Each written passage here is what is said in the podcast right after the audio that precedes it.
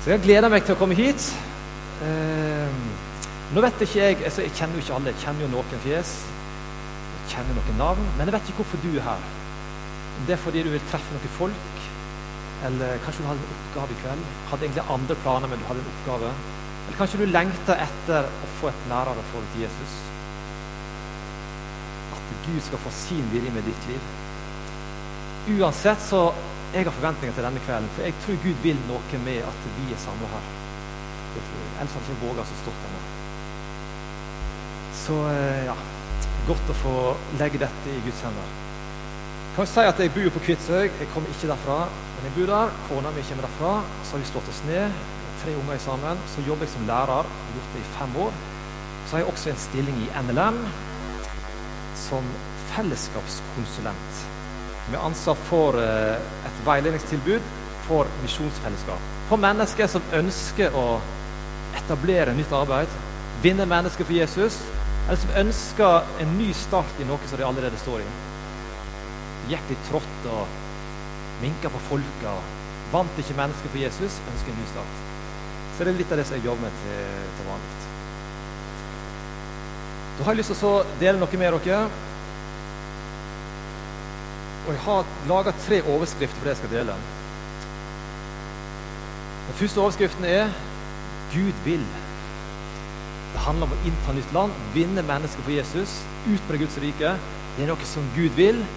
Den andre overskriften er 'Du kan'.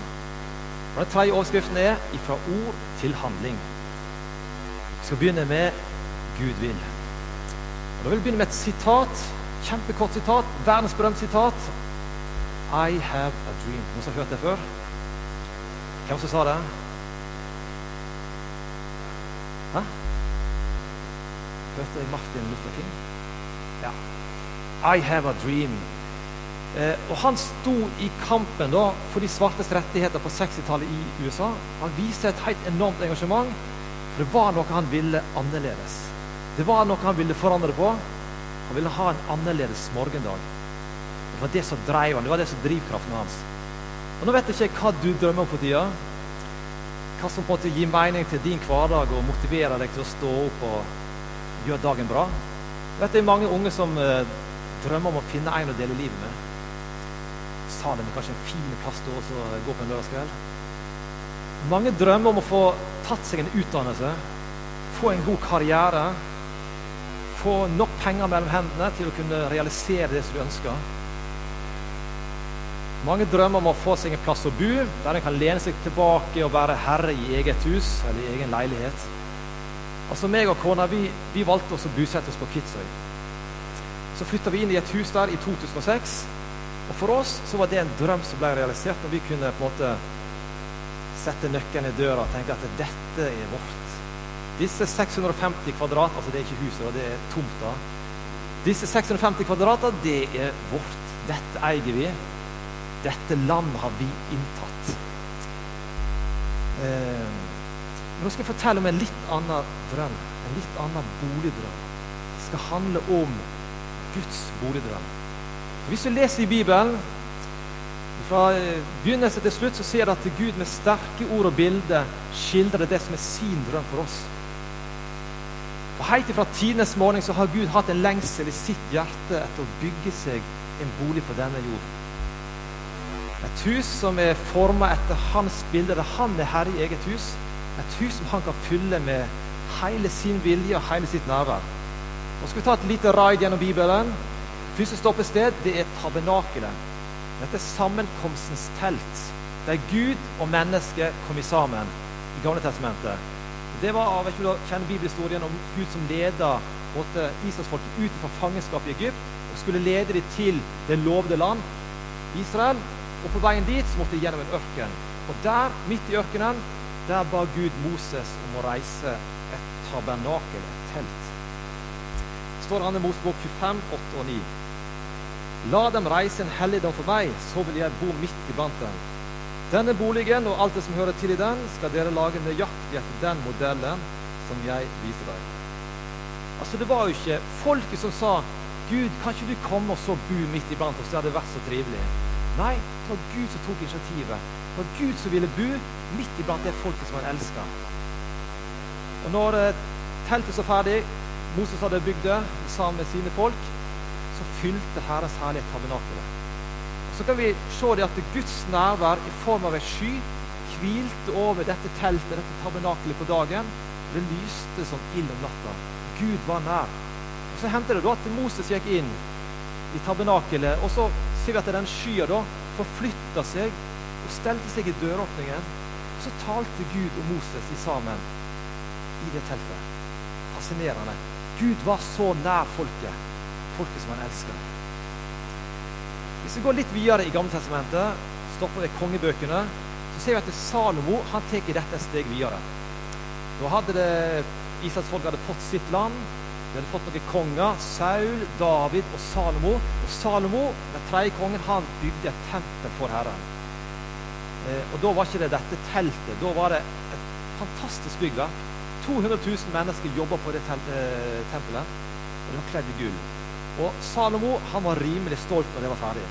Vi leser i 1. kongebok 8,13. Nå har jeg bygd deg en praktfull bolig, et sted der du kan bo for alltid. Det var ikke måte på. Salomo var stolt. Et sted der du kan bo for alltid. Så det slik at når uh, tempelet ble innvidd, var ikke et menneske i Israel som kunne tvile på Guds eksistens. Gud fylte det tempelet på en sånn fantastisk måte at folk visste Gud hadde behag i dette byggverket. Gud ville bo der, være deres Gud. Men så gikk det ikke sånn som Salomo hadde tenkt, at uh, et sted der du skal bo for alltid. Så folket begynte å bli ulydige. Salomo sjøl falt i synd og på en måte brøyt Guds vilje. Så kom det flere konger som var også ulydige. Og så ender det da med at den guden som på en måte fylte dette tempelet med sin herlighet, han trekker seg nærmest tilbake så kommer det en invasjon fra Babylon. Folket blir født vekk i, fangenskap, tempelet det blir lagt i ruiner. Tenk det. Guds bolig, den ble ødelagt. Men Guds drøm, den levde videre. Gud ville fortsatt bo blant menneskene. Og Det leder oss over til den mest fantastiske hendelsen i verdenshistorien. Guds egen sønn fikk av seg kongekrona. Bare se det for deg. Fikk av seg kongekrona Forlater himmels herlighet, som er født i en stand. Gud blir menneske. Så det er at Johannes, evangelisten, han skriver på den måten. Ordet ble menneske. Så Jesus ble menneske. Gud kom til jord og tok bolig blant oss. Egentlig så står det 'slo opp sitt telt blant oss'. Henviste til tabernakelet. Gud tok bolig blant menneskene. Gud ville fortsatt være blant menneskene, men nå i Jesus Kristus. Så er det slik at Jesus han begynner sin offentlige gjerning. Han er rundt 30 år. Så begynner han med orda 'Tida er inne, Guds rike er nær'. Så får du meg et lite glimt av hva er det egentlig Guds drøm handler om dypere sett. Det handler jo egentlig ikke om det tabernakelet eller det tempelet. Det handler egentlig ikke om at, det, at Jesus bare skulle komme ned på jord. Det handler om noe mer. Det handler om Guds rike, altså Guds herredømme. Og at Gud ønsker å være nær hos menneskene. At hans vilje skal skje i våre liv. Det handler om Guds herredømme. Og Ved sin døde oppstandelse så fikser Jesus det som var ødelagt mellom Gud og oss. Veien inn til det aller helligste blir åpna. Gud og menneskene kunne være sammen. Og hva er det egentlig Guds drøm handler om? Det handler om en, en bolig. Og Les i Efeserbrevet 2, 21 og 22. Han holder hele bygningen sammen så den vokser til et hellig tempel i Herren. Og i Han blir også dere bygd opp til en bolig for Gud i Ånden. Guds drøm, Guds boligdrøm, det handler om en bolig bygd opp av levende, formbare steiner. Av mennesker som har sagt ja til at Gud skal få lov til å være herre over sitt byggverk, over meg, i dette livet og i evigheten når Guds drøm til fulle skal bli realisert. Det handler om deg og meg. Vi er Guds boligdrøm. Gud ønsker at eh, hans rike skal komme i ditt og mitt liv. Det å være en kristen, det å følge Jesus Det handler ikke først og fremst om å gå på forskjellige møter og diverse foreningskvelder og klubbkvelder. Det er fint og det er nødvendig, men det handler om noe mer. Det handler om å ta del i Guds drøm. Guds lengsel etter å finne seg et folk i bygd og by som kan være levende steiner bygd opp til en bolig for Gud i ånden. Det er det det handler om.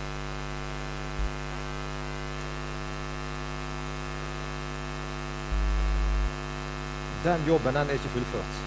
Altså det, det, er mer land igjen å innta i denne byen her, i Stavanger. Dette området rundt her. Bare ta bydelene for deg. Gå opp i nord fylket, nord for Boknafjorden. Så går lenger østover i landet, lenger nordover. Det er bygder og byer som det er få kristne. Mennesker som er på vei mot en evig fortapelse. Det er mer land igjen så lurer jeg på hvor er du i forhold til dette her? Har på en måte Gud fått latt sin drøm ta bolig i deg? Lengselen etter å vinne seg et folk? Eller er det slik at livet ditt bærer preg av at du, du følger dine egne drømmer? I forhold til karriere, til penger, i til kjærlighet, hva det måtte være. Hva er din drøm? Så dropper du kanskje innom et møte her i salen på lørdagskvelden, for du er jo tross alt kristen. Vet du hva? Gud han har høyere tanker for livet ditt enn som så.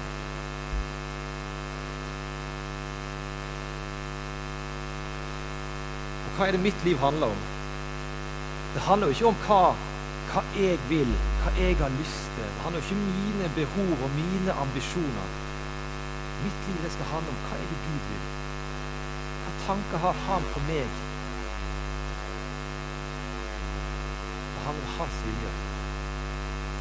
Han som vil. Han som vil at alle mennesker skal bli frelst og lære sannheten å kjenne. Det tar et lite minutt nå. Du skal få til å reflektere litt over ditt eget liv. Hva er det du lever for, hvis du skal være helt ærlig? Hva er din drøm? Lever du for deg sjøl? Eller lengter du etter at Gud skal få sin vilje med ditt liv? Ta et lite minutt nå. Vær i bønn.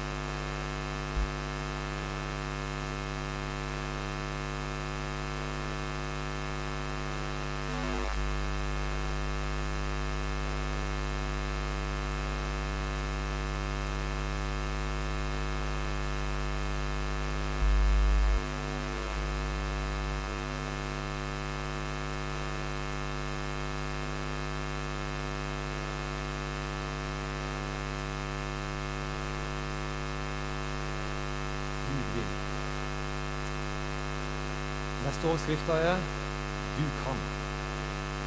Jeg har lyst til å dele noe fra mitt eget liv. Det handler ikke om at jeg har noe veldig spesielt å fortelle.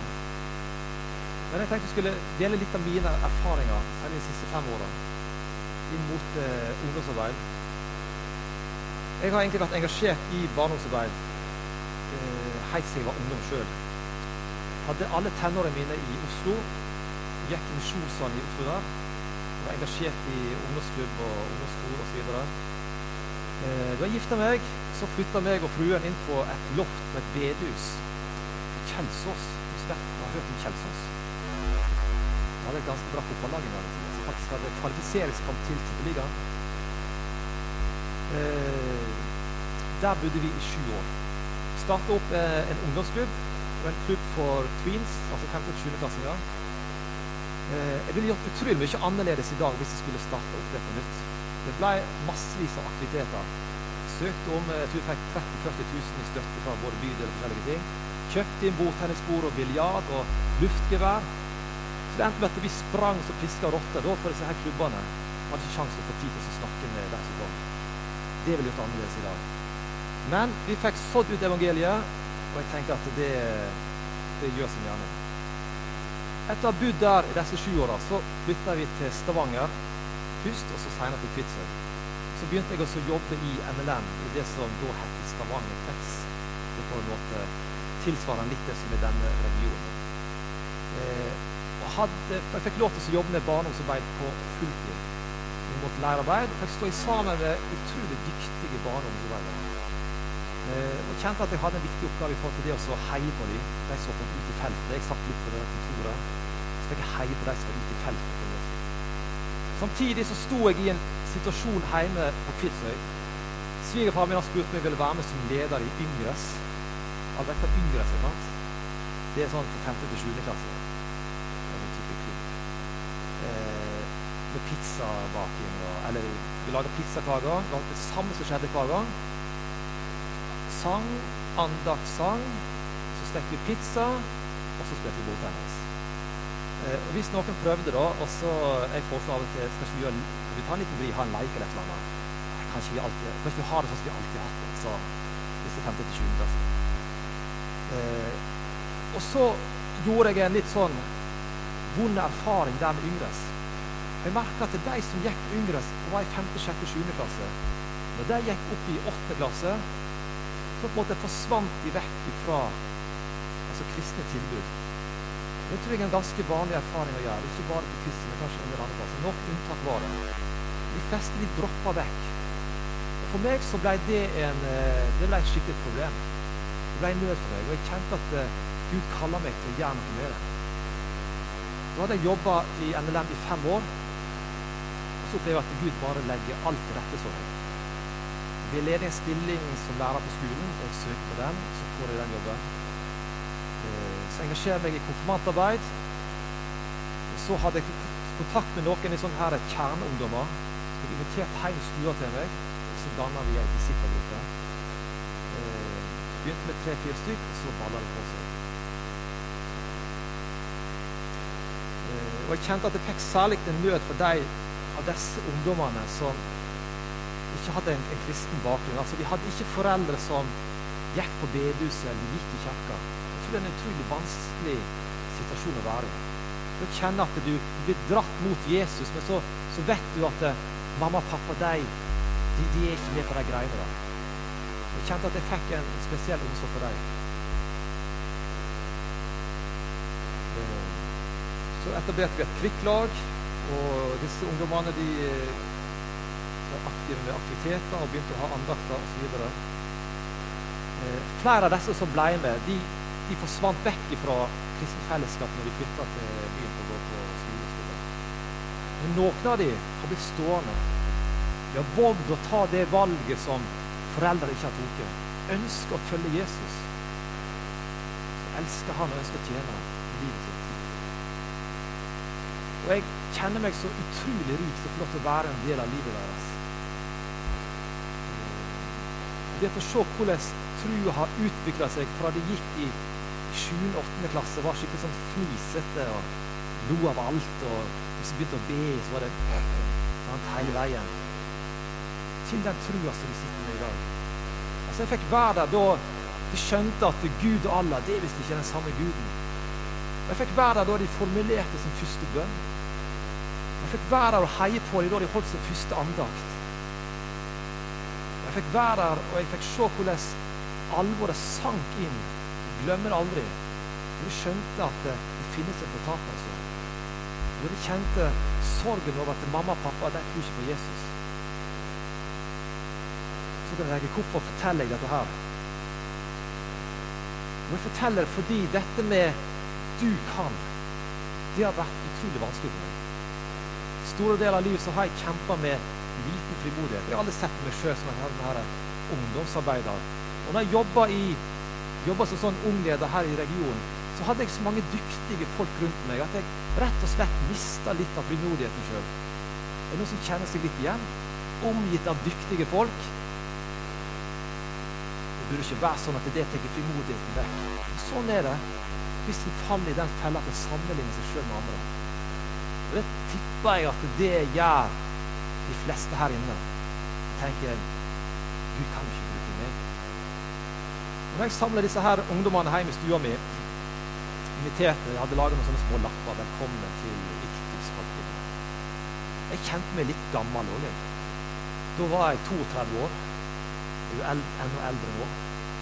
Tenkte litt utgått på dato. Litt sånn vanskeligheter for å holde på oppmerksomheten. Eh, men så kom de, da. Så kjente jeg at eh, den kjærligheten som Gud la ned i mitt hjerte til disse ungdommene, jeg måtte bare handle på det. Jeg måtte bare gjøre et eller annet.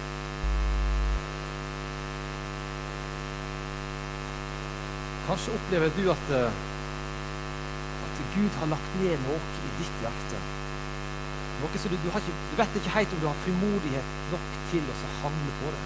Du tenker 'Jeg kan vel ikke det'. Kanskje er, er det en bydel i denne byen her som du tenker på. Kanskje er det heimplassen din. Kanskje du ser for deg noen ansikter, noen ungdommer. Kanskje du ser for deg noen kolleger, noen som du studerer sammen med. trenger flere fellesskap som jobber aktivt for å nå nye mennesker. Og Jeg spurte da Ant Magne for en liten tid tilbake vi snakket om dette, denne sammenhengen her. Hva gjør du hvis den beste lederen rett, kommer til deg etter møtet og sier du, Ant Magne, jeg må rett og slett gi meg i salen. Jeg må rett og slett plante et nytt fellesskap. Det er noe Gud har lagt ned i meg. Så jeg, jeg må trappe ned her så jeg bare et stort smil i fjeset på ham. Han tenkte egentlig ikke å si noe. At Magne han er en klok mann.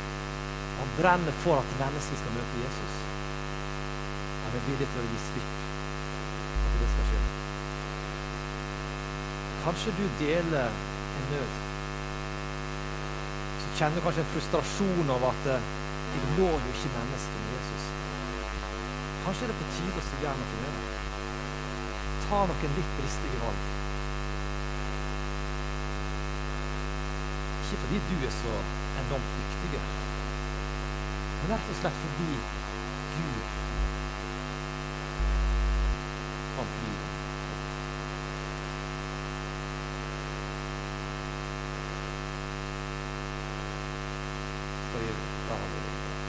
Du kan fordi Gud vil. Dere ser sammenhengen, sant? Det begynner der, og så skjer det noe utover. Ta et lite minutt nå. Lytt til Gud. Ikke fokuser på deg sjøl og de begrensningene som du finner nå. Ikke tenk på ja, dette er sikkert alle de andre som skal gjøre et eller annet sånn stunt. Hva er det Gud legger ned i ditt hjerte?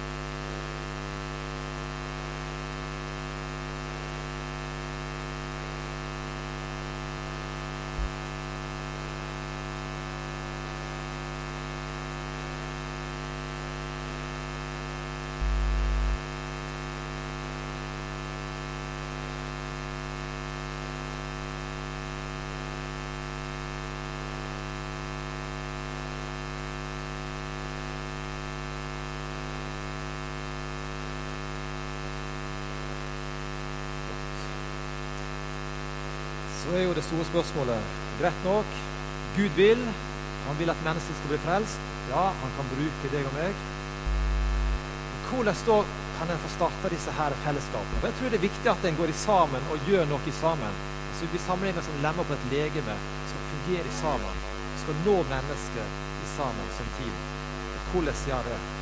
Jeg har ikke tenkt å presentere noe mal, for det er kun Gud som vet hvordan det fellesskapet skal se ut som kanskje du skal etablere. Jeg tror faktisk det er noen som skal gjøre det. Kanskje til høsten, kanskje om et år eller to eller tre. Kun Gud vet. Jeg skal ikke presentere noen mal, men jeg har lyst til å gi noen litt sånn generelle råd ut fra en tekst vi finner i Lukas 10. Der kan vi lese om når Jesus sender ut de 72 eller 70 disiplene. Vi leser. Siden utpekte Herren 72 andre og sendte dem ut foran seg, to og to til hver by, og hvert sted som han selv skulle besøke. Og han sa til dem, høsten er stor, men arbeiderne få. Be derfor høstes Herre sende ut arbeidere for å høste inn grøden. Gå av sted, jeg sender dere som lam blant ulver. Ta ikke med dere penger på, ikke vest og ikke sko.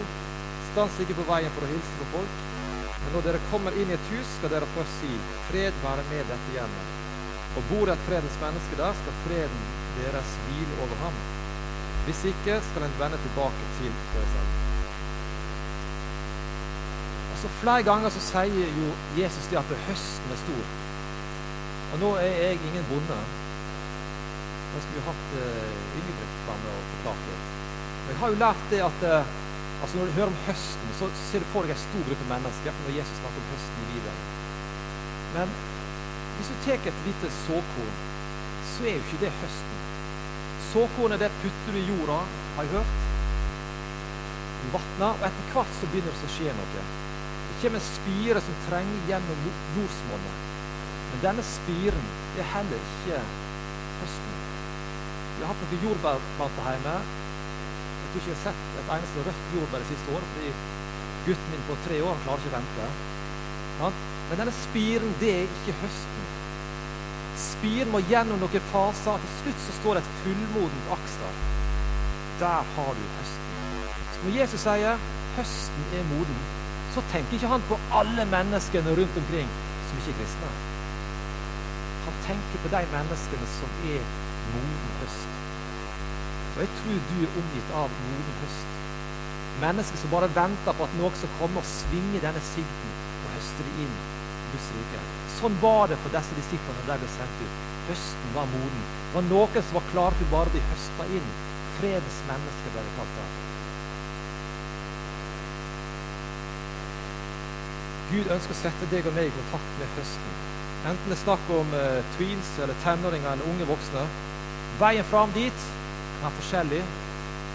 Ta med deg fem råd på veien. Det første fokus på bønn. Ved høstens herre sto der. Så det står et åndelig arbeid. Du og meg vi kan klare å samle folk. Vi kan aldri klare å skape tro i et menneske. Det er det kun Gud som kan. Derfor er det viktig å være i bønn, mobilisere andre til å være med i en bønnekamp, be om beskyttelse. Det andre ikke gå alene.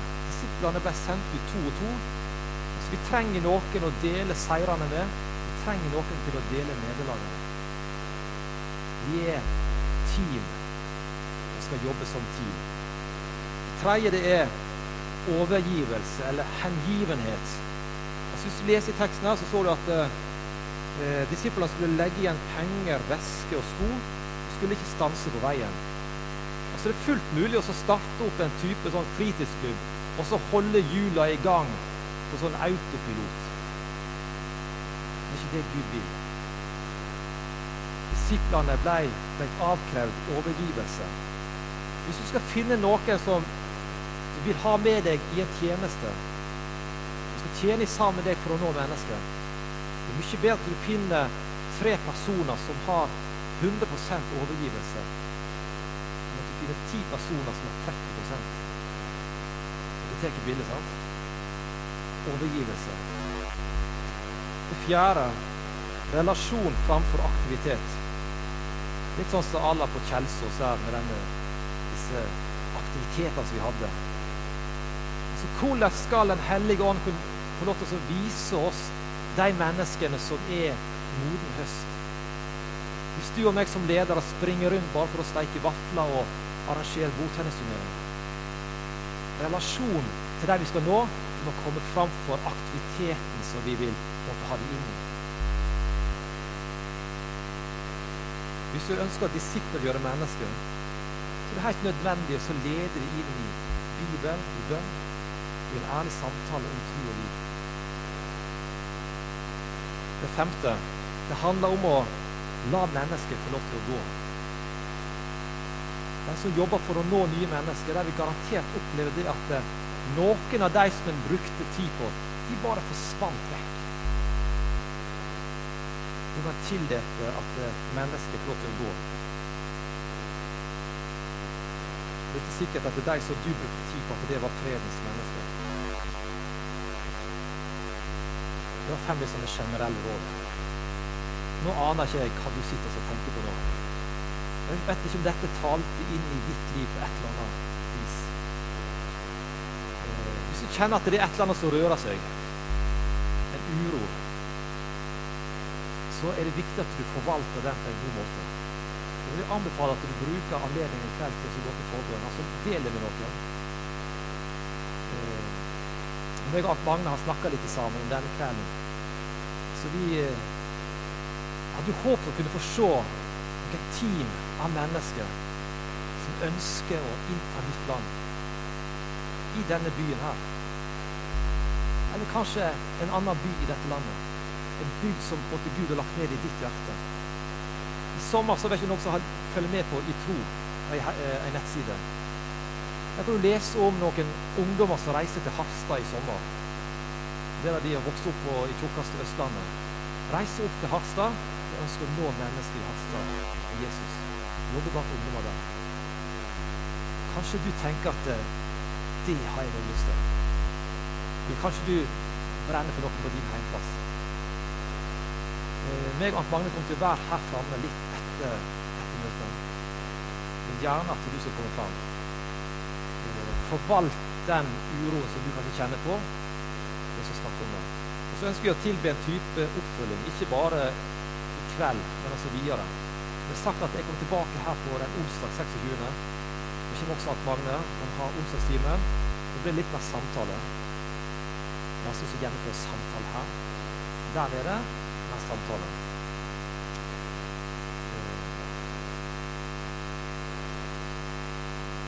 Hvis noen da kjenner at ja, jeg har lyst til å gi livet mitt til et eller annet, jeg vet ikke helt hva, så er det mulig at vi vil etablere ei gruppe som samles fra september til neste sommer. Der du kan snakke om det som du opplever i ditt kall. Der du kan få hjelp til å finne noen mennesker som du kan tjene sammen med. er dette rotete. Forbønn er nede ganske snart. Kom fram etter møtet. Kom på Salem-timen på onsdagen, så tar vi det derfra. Og hvis du tenker jeg har funnet min plass, Gud velsigne deg i å stå i det du gjør. Hva er det som ber? Takk, Jesus, at vi skal få be til deg. Takk at du kom til jord, ble menneske. Takk at du ønsker å ta bolig i oss. Takker for at du kan bruke oss tross våre svakheter og begrensninger. Jeg ber om at den nød som du kjenner på i forhold til mennesker som går på tapt, jeg ber om at den nøden må smitte over på den enkelte av oss som er her. Og hjelpe oss til å se forbi egne begrensninger og se på de mulighetene som ligger fordi